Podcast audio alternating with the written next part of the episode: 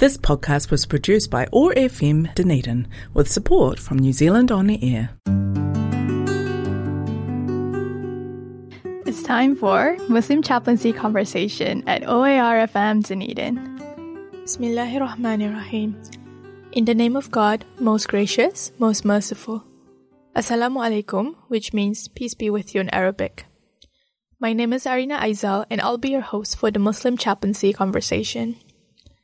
In today's episode, we have a talk on Quran, the Miracle of Islam, Numerical Wonders, Part 2, and an interview with Brother Waseem Bashir, a senior technician at Otago University's IT support services.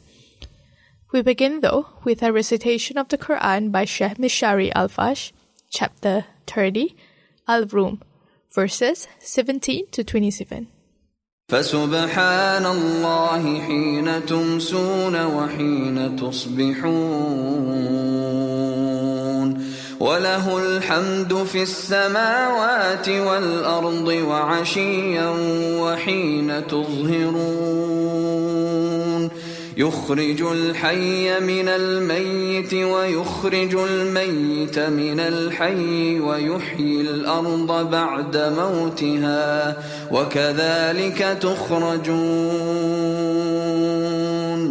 ومن آياته أن خلقكم من تراب ثم إذا أنتم بشر تنتشرون ومن آياته أن خلق لكم من أنفسكم أزواجا لتسكنوا إليها وجعل بينكم وجعل بينكم مودة ورحمة إن في ذلك لآيات لقوم يتفكرون ومن آياته خلق السماوات والأرض واختلاف ألسنتكم وألوانكم إن في ذلك لآيات للعالمين ومن آياته منامكم بالليل والنهار وابتغاؤكم من فضله إن في ذلك لآيات لقوم يسمعون. ومن آياته يريكم البرق خوفا وطمعا. وينزل من السماء ماء فيحيي به الأرض بعد موتها. إن في ذلك لآيات لقوم يعقلون ومن آياته أن تقوم السماء والأرض بأمره ثم إذا دعاكم دعوة من الأرض إذا أنتم تخرجون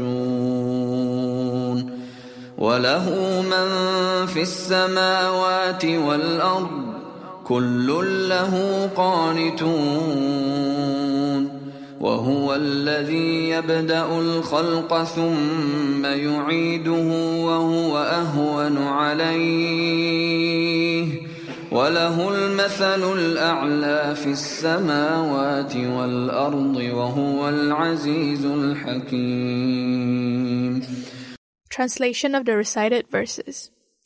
In the name of God, most gracious, most merciful. So celebrate God's glory in the evening. In the morning, praise is due to Him in the heavens and the earth, in the late afternoon and in the midday. He brings the living out of the dead and the dead out of the living. He gives life to the earth after death, and you will be brought out in the same way. One of his signs is that he created you from dust, and lo and behold, you become humans and scattered far and wide. Another of his signs is that he created spouses from amongst yourself for you to live in tranquility. He ordained love and kindness between you. There truly are signs in this for those who reflect. Another of his signs is the creation of the heavens and the earth, and the diversity of your languages and colors. There truly are signs in this for those who know.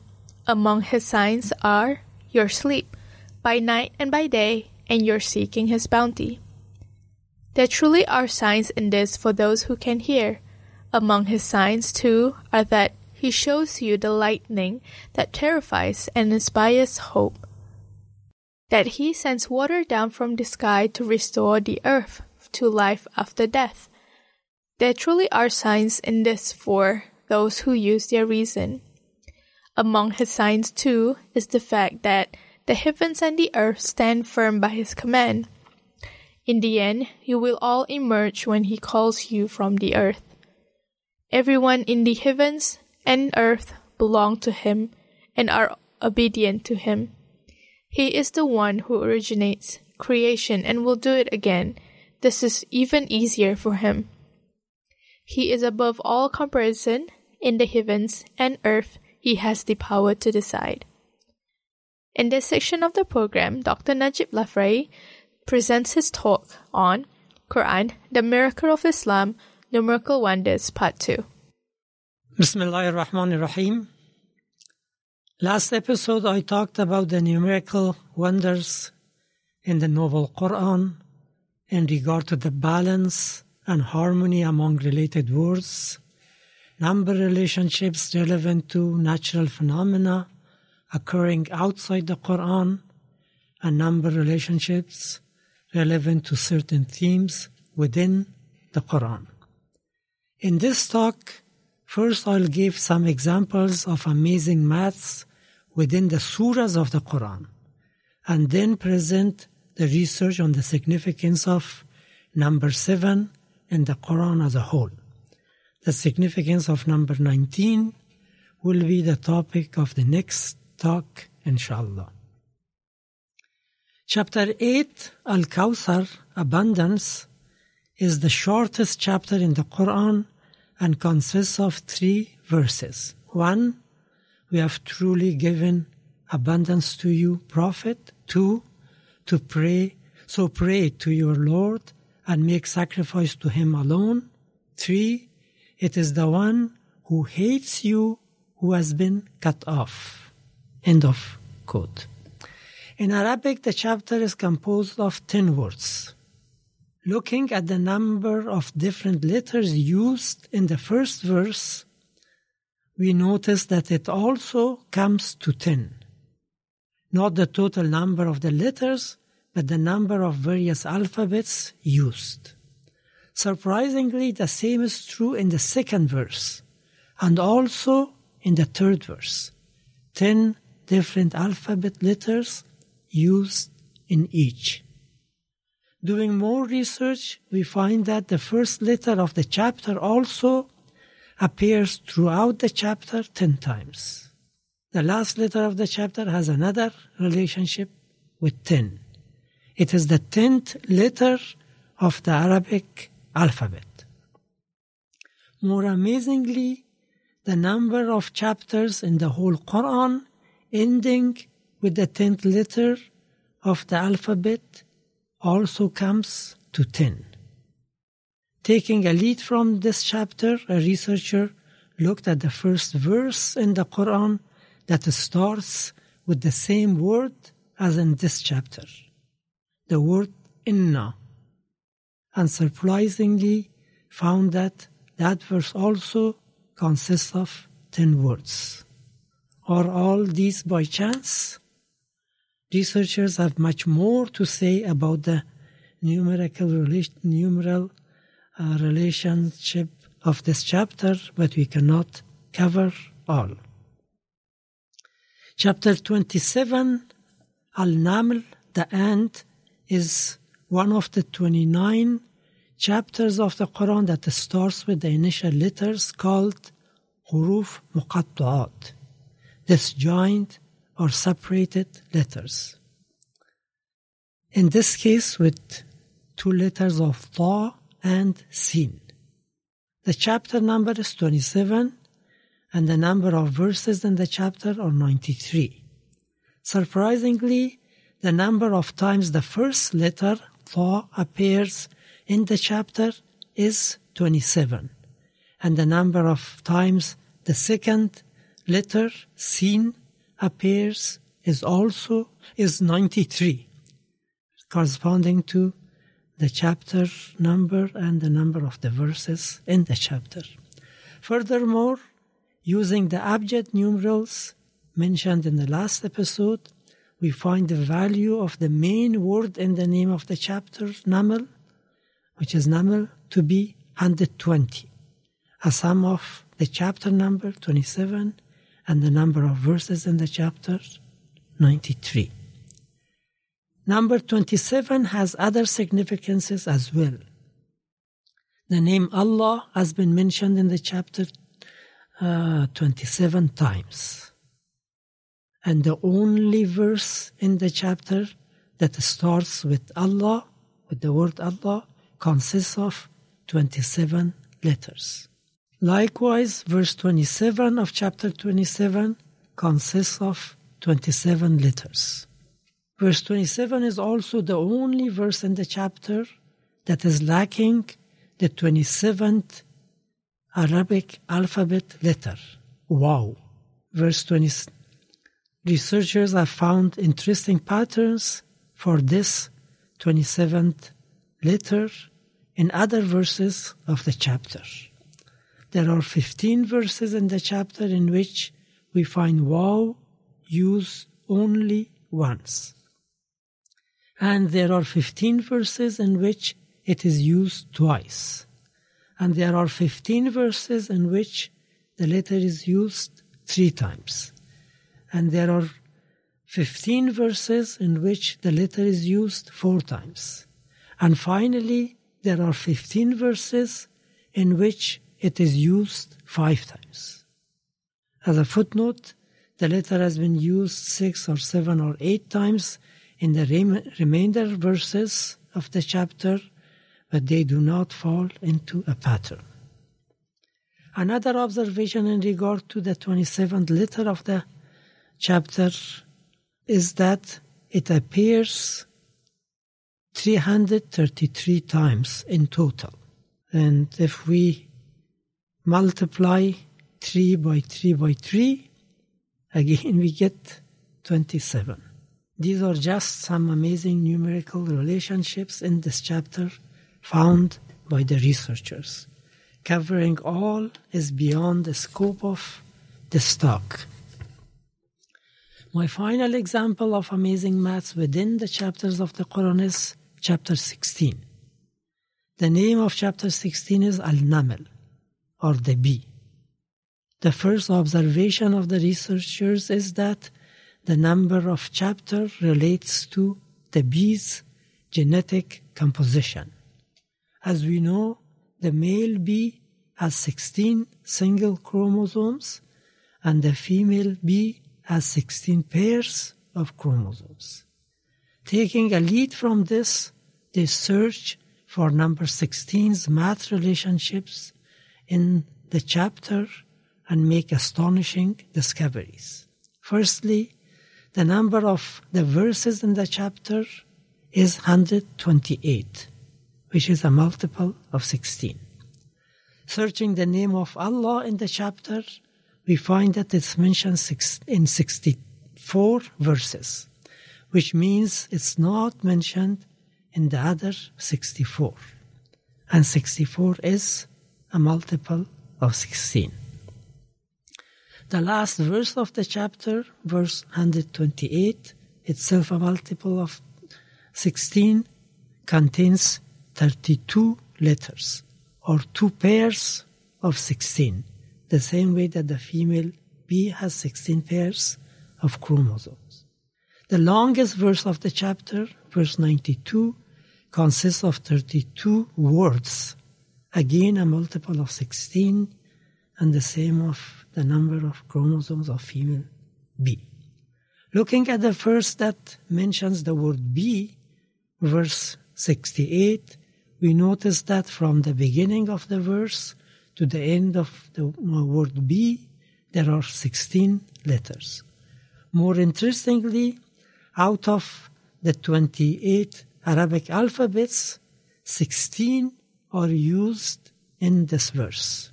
Conversely, in verse 16, which is the shortest verse in the chapter, 16 of the alphabet letters are not used. Counting from the beginning of the chapter to the word bee in verse 68, we find out that there are 884 words. We also get the same number, 884, if we multiply the verse number 68 to the number of the words in the verse, which is 13. Again, are all these by coincidence? There's much more that the researchers have to say about the math relationships within chapter 16 as well as relationships with other parts of the Quran. But time limitation does not allow going into those details. Now, on the significance of number seven in the Quran. The researchers working on this topic first point out the great presence of this number in a Muslim's life and worship. God has created seven heavens. The color spectrum consists of seven colors. There are seven days in a week. During Hajj pilgrimage to Mecca, a pilgrim circumambulates around Kaaba seven times, runs between Safa and Marwa seven times, and throws seven pebbles to the symbols of Satan. A verse of the Quran states, quote, We have given you, the Prophet, the seven oft repeated verses and the whole glorious Quran. Verse 87, chapter 15. This is a reference to the opening chapter of the Quran, Al Fatiha, which has seven verses. The phrase seven heavens is repeated seven times in the Quran, and number seven itself has been mentioned 28 times, which is a multiple of seven. They also point out that seven is the first letter mentioned in the Quran chapter 2, verse 29. Interestingly, between this first mention of the number and its last mention in chapter 12, in verse 12 of chapter 78, there are 77 chapters, which is obviously a multiple of seven. More surprisingly, between the first and last mentions of the number there are 5,649 verses, which is again a multiple of seven. And from the beginning of chapter 2 to the end of chapter 78, there are 5,705 verses. Yet again, a multiple of seven. Again, all happening by chance. They also find a similar pattern when they look at the first and last mention of word Allah in the Quran. From its first mention in the first verse of the first chapter to its last mention in the second verse of chapter 112, there are 112 surahs or chapters, a multiple of seven, and there are 6,223 verses. Again, a multiple of seven. I should add that I confirmed, verified all these numbers, and it was very time consuming. And also the numbers that I mentioned later. In an innovative way, the main researcher of the topic, Abdul Daem al-Kahil finds number seven to have significance in the first verse of the opening chapter of the Quran, Al-Fatiha. And the verse is Bismillah ar-Rahman ar-Rahim, in the name of God, most gracious, most merciful. And this phrase is also repeated before all other chapters of the Quran except one. But it's considered as part of the chapter only for chapter 1, not in other chapters. In Arabic, the phrase consists of four words. And when we write the number of letters of each word and put them side by side, it gives us 6,643, which is a multiple of 7. The researcher applies the same method to some key relevant verses in the Quran and amazingly finds them multiples of 7 as well. For example, the verse in which God Almighty pledges to safeguard the Quran from corruption. Quote, we have sent down the Quran ourselves and we will guard it. Chapter 15, verse 9. Since there are eight words in the verse in Arabic, it gives us an eight digit figure, which is a multiple of seven. The same is true for quite a few relevant verses, including verse 88 of chapter 17, and I quote, Say, even if all mankind and jinn came together to produce something like this Quran, they could not produce anything like it. However much they helped each other. End of quote. In Arabic, this verse has 21 words. And astonishingly, that 21 digit number is again a multiple of 7. There are much more details of these and numerous other categories of calculations which neither I had time to double check their accuracy nor have we time to cover them all here. I just want to give one more example of the significance of number seven, and this time only in one word. The word nafakha, which means will be blown referring to the trumpet on the day of resurrection. It has been repeated in the Quran seven times, but in six verses. An example of the use of the word is, quote, the trumpet will be blown, and lo and behold, they will rush out to their Lord from their graves. Chapter 36, verse 51 when we put the number of the chapters in which the word is used side by side, it gives us a 12 digit number multiple of 7. Interestingly, the quotient of that number is also a multiple of 7. And the quotient of the quotient is also a multiple of 7 until we get a 9 digit figure four times multiple of 7. When we add the digits comprising the last quotient, it produces 49. Again, a multiple of 7. More remarkably, when we put the verse number side by side, earlier it was the word numbers and now verse numbers. When we put the verse num- uh, numbers side by side, it gives us a 13 digit number, which is again a multiple of 7. And its quotient of and uh, quotient of quotient are also multiples of 7.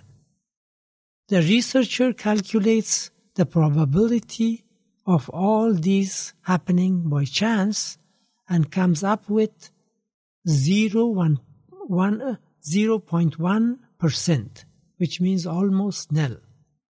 With no skills in probability calculations, I cannot verify that figure, but its odds seem very small indeed. In brief, as a researcher puts it, the mathematical wonders of the Noble Quran are endless. The researchers have discovered some so far, and I have covered only a few in this talk and the previous talk. no reasonable, reasonable person can claim that these are all by chance. Thus, I repeat the reminder of the Noble Quran fahal antum muslimun Then will you submit to him? Thank you. Thank you, Dr. Najib. Now, we listen to an Islamic song by Sami Yusuf entitled Trials of Life.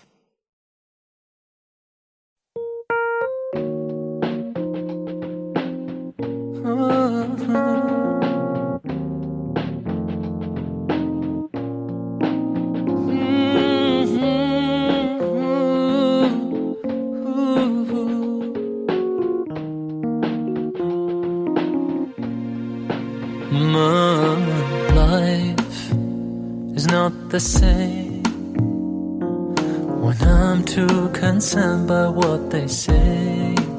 Why should I, I have you, to doubt you would be the worst mistake? Deep inside, I know that amidst all the darkness and everything which makes no sense, I know that you exist. Guides me through my darkest nights, shows me right from wrong night. The world that often lies, cause I don't need, anyone or anything in life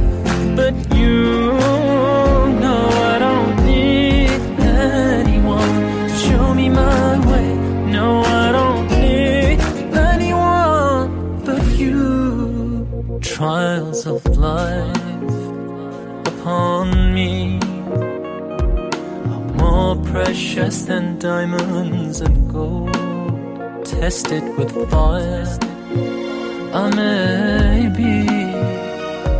But I know I'll come out stronger in this world. And deep inside, I know that amidst all the darkness and everything which makes no sense, I know that you exist. You are that guides me in my darkest nights, shows me right from wrong cause I don't need anyone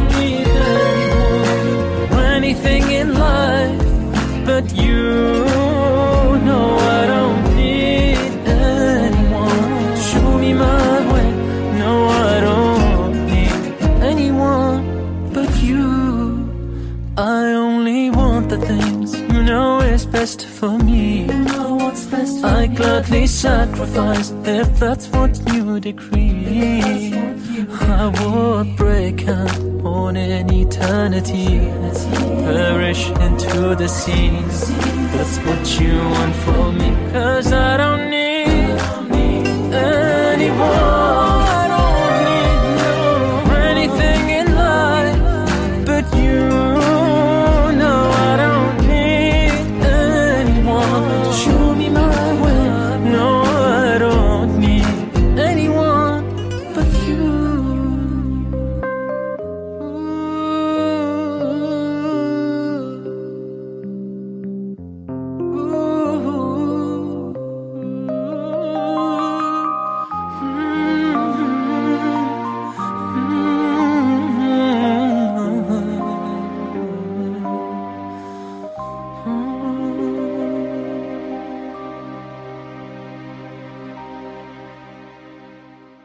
alaikum, Brother Wasi.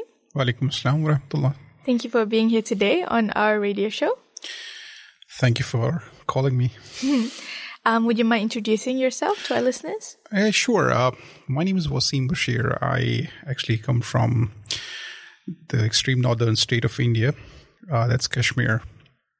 So I was born there. I was uh, I completed my studies there, and then I moved to different parts of India uh, for work. And in uh, February 2017, I arrived in New Zealand, and since then I'm here. So you were born and raised in Kashmir, um, and Kashmir is renowned for its beauty. Can you please tell us um, what it's like growing up there? Well, as long as uh, there was uh, calm, uh, because the current political situation is not that great over there. Uh, but yes, in terms of uh, beauty, it is uh, worth going and spending some time over there. Uh, there are Kashmir is famous for its natural beauty, especially the Mughal gardens, uh, the hilly regions. we have a lot of options, a lot of things to explore over there. Which part of Kashmir were you from? I'm from Central Kashmir. Mm. Um, what's the what's your favorite part about that area? Well, it's uh, the community. Uh, you know, uh, it's always the place where you were born and you were raised. You are you have special bonds and affection with the people that surrounded uh, that that surrounded you throughout your childhood and your adulthood. Uh, other than my all my ancestors have been there, so uh, can you tell us about your family? Uh, sure. Uh, in my family, we are four siblings. Uh, I have one elder sister, one younger sister, and one younger brother. Mashallah, all of them are married now. All have children, and they're doing well. Uh, my sisters are homemakers. They don't work. My brother is working as a pathologist. Mm. He has done his degree in microbiology. And my father is a retired radiologist and my mother passed away almost 13 years back. That's about my family. Mm. And as far as uh, me and my wife is concerned, we both are here and we have a daughter who is nine now. And uh, other than that, yeah, there is extended family, which is all in uh, in Kashmir. So I'm the only one with my wife and daughter who's mm. here. What was it like going to school there? Well, uh, we are talking about an era wherein there was an uprise, uh, and uh, most of the times uh, the schools were closed uh, because there used to be frequently we used to have these lockdowns and curfews. And uh, as far as my childhood goes, in 90s, the situation was that bad that for months you will not get to go to school. So the situation was really tough. Uh, but I guess nowadays, uh, it's been almost seven years. I don't know to what extent the situation has changed over there. But on and off, I can hear as I am continuously in touch with my extended family. Uh, the situation at times is okay, kind of, for survival, but at times there will be again lockdown, and then the government will snap the telephone lines, even the internet blackout. Nothing comes out of there. So that's that's the time when I'm I get a little bit concerned about my family because at times I don't get to talk to them for weeks mm. because of the situation. That must be really hard. well, that is mm. indeed.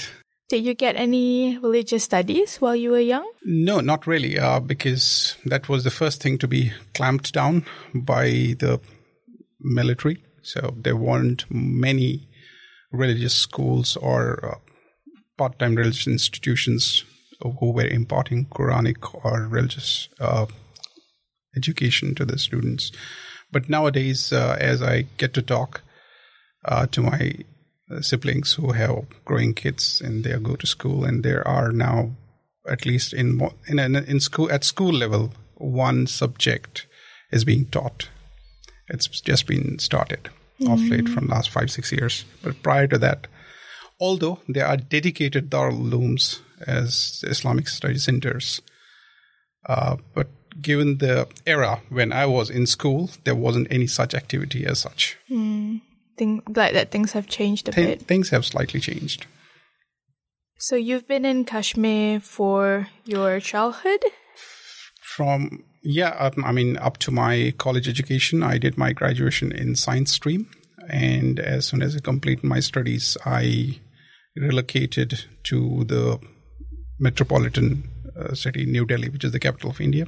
Worked there for a couple of years uh, with one of the multinational company. And from there, I also had an opportunity to move to further down to south, southern state uh, in India, which is Bangalore I worked there till uh, 2017. I resigned uh, from my current from the job I was in uh, in uh, January 2017, and in February 2017, I was here in New Zealand. Can you tell us what you worked as when you were visiting all the countries in Uh, well, I started as a tech support engineer, and I was at the time I resigned. I was uh, working as an operations manager, and uh, then I I moved in here uh, to further pursue my studies. I did my master's in information communication technology from Southern Institute of Technology Invercargill. I stayed there for a while, and uh, after completing my studies, I had an opportunity to work with a telecom company here, Spark for about a year or so. I'd been to Christchurch, and uh, after that March 15th, 2019 attack in Christchurch, uh, I was still there for some time, and after that, I relocated back to Invercargill as I got another opportunity with one of uh, the IT firms there as an uh, support services engineer.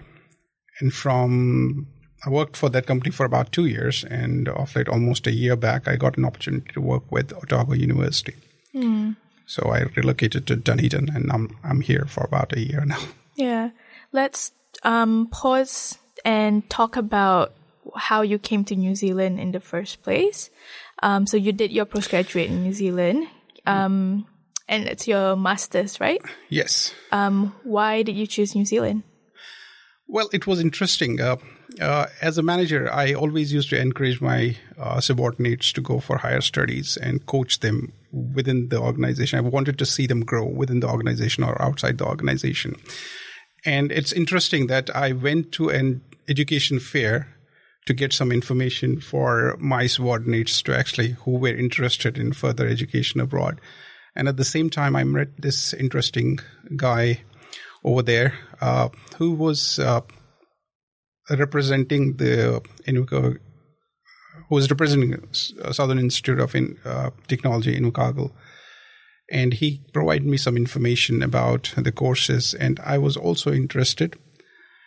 And uh, that that's how I I when I went back and I was just going through these brochures for uh, my subordinates for and I realized okay let me also try if I can. Then I spoke to the person if I am eligible if I can uh, go for higher education.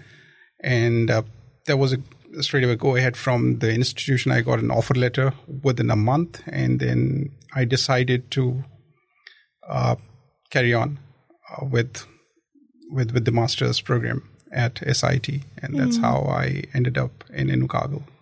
Um, was it with a scholarship or personal Uh, not really. Uh, I paid for it.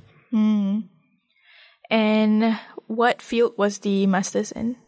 Information and communication. Can you tell us a bit about what you studied? In information and communication, it's there's a difference between information and communication technologies and the computer sciences. So I'm not from the computer science uh, side of it. I did uh, my master's in information communication technologies, which includes the subjects that were there. It talks about uh, you, you know more about ICT security, ICT quality, uh, project manager, uh, project project management, and program management uh, activities and a little bit of web development. That's what it was about. And after you finished your uh, master's, you found work in New Zealand. Um, you've worked in a couple of other places before coming down to Dunedin. Can you share with us where you've been? Well, uh, the first job offer, as soon as I complete my degree, I got from uh, Spark New Zealand as a business consultant. So uh, it was a B2B uh, kind of a job. Uh, I liked it. It was good money. Uh, it's pretty much uh, helped me to stabilize myself as I was the only earning person. And uh, whatever savings I had, I already uh, invested them on to my education part of it.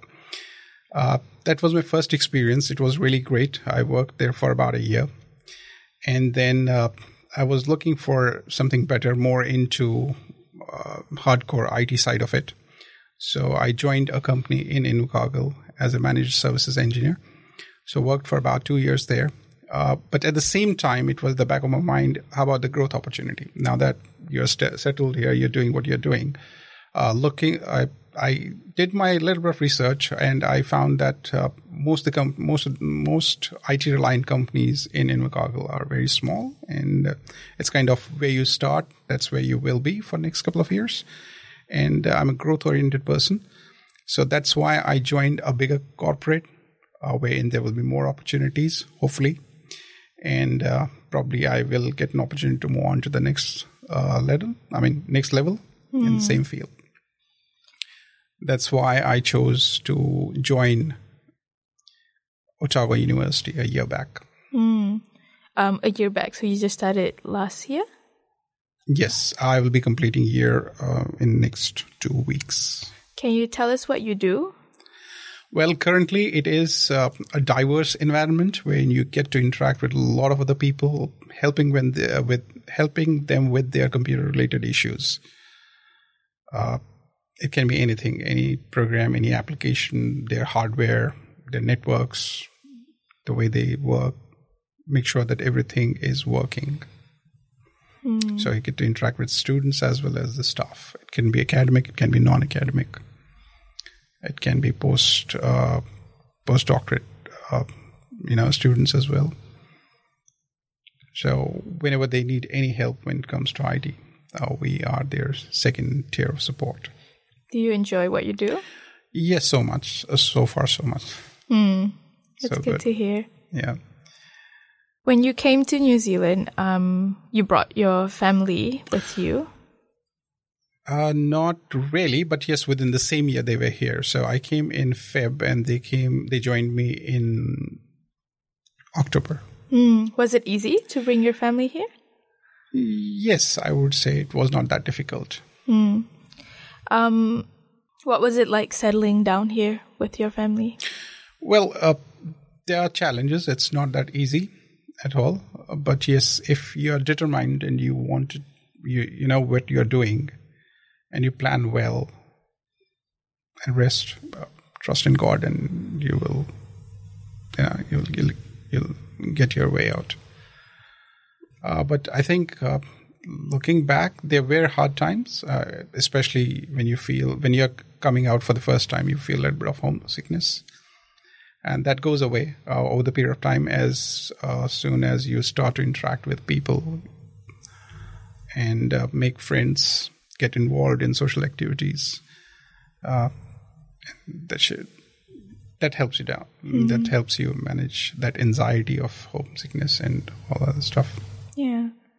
Um, can you tell us about your children? I have one daughter.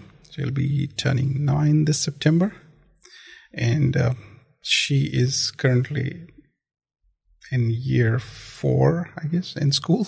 Was it easy for her to settle in here? Yes, for her, she was just two years old, and uh, so they initially we we decided that I'll complete my course and then I will bring my family back. But uh, what has hap- what happened uh, at the home, you know, uh, what happened is my daughter started to get sick. Uh, and uh, there was a common notion within the family that she's missing her dad. So uh, instead of completing my course, I uh, I brought them in, brought them here within seven eight months, and since then she's with me. And the only thing I remember of her is like uh, because in uh, in Kashmir it's pretty common to send two year old or two and a half year old kids to kindy. So uh, she was going to kindergarten. Her experience, the only thing that she that she remembers from that kindy is that on her way, because her granddad used to take her to kindy, and whenever there used to be a convoy, an army convoy to pass, they had to stop for hours at times. And that is really, uh, I mean, I feel really bad for her because that is the hardest memory she has. She will still talk about it. Papa, I still remember I used to go go to school over there, and the military used to stop us, and Dadu and me used to sit in the car for a long time. So she still has those uh, painful memories, I would say. And uh, off late, I told her, let's go back. And we have other siblings there. You, you can play with them. And the answer was, I'm not going back there. There's a lot of army and there's no internet. Yeah. yeah, that, that- that's about it. That's about her. She, she's an interesting girl. Was very sharp.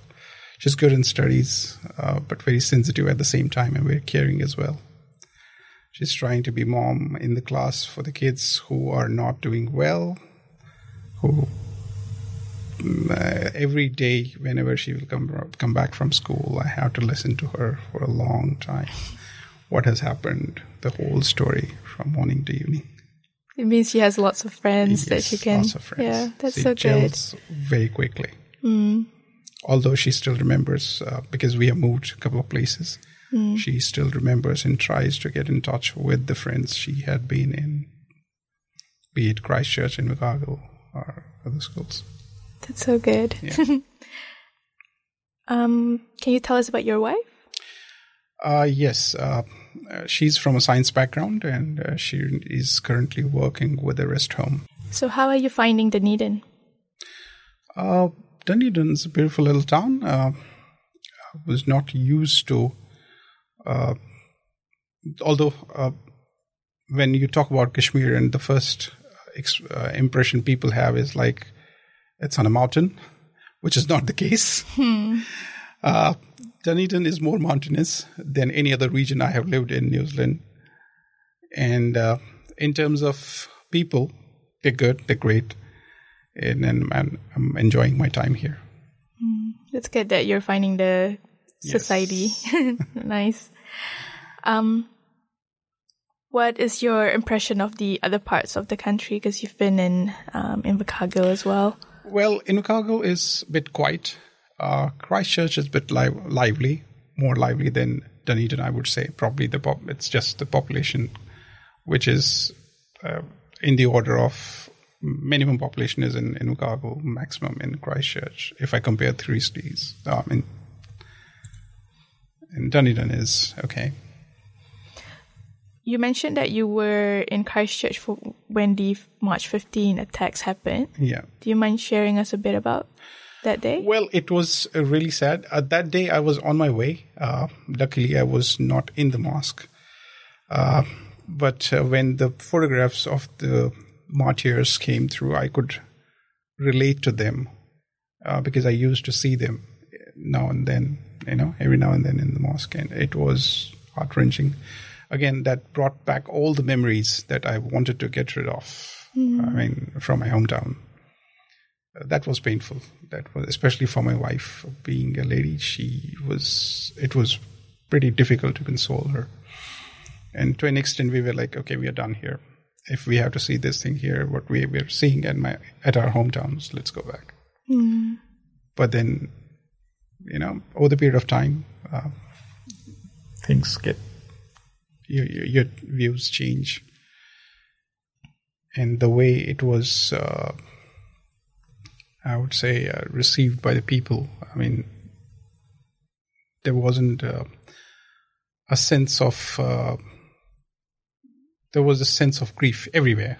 I mean, be it locals or non locals alike, which was uh, good to see. And uh, yeah, over the period of time, yeah, yeah, time is the best healer. So you get to compromise a bit at times uh, because have we had that deci- uh, taken that decision of going back probably i would not have been here talking to you right now Hmm, you wouldn't even come up to Yeah. Dunedin, yeah. True. Um, thank you so much, Brother Waseem, uh, for the conversations we had today. I really had a good time um, hearing about your family and your um, story. Thank you. Thank you very much and uh, really appreciate your time and patience with me today and thanks for calling me That is the end of our program today. Thank you for your time. Special thank you to OARFM for facilitating the production of this program. I should add that the views expressed in this podcast do not necessarily represent the views of Otago Muslim Chaplaincy as such. If you have any questions, please email muslimchaplaincy at otago.ac.nz. We hope to see you next time, inshallah, God willing. Assalamu alaikum. You've been listening to Muslim Chaplaincy Conversation at OARFM Dunedin.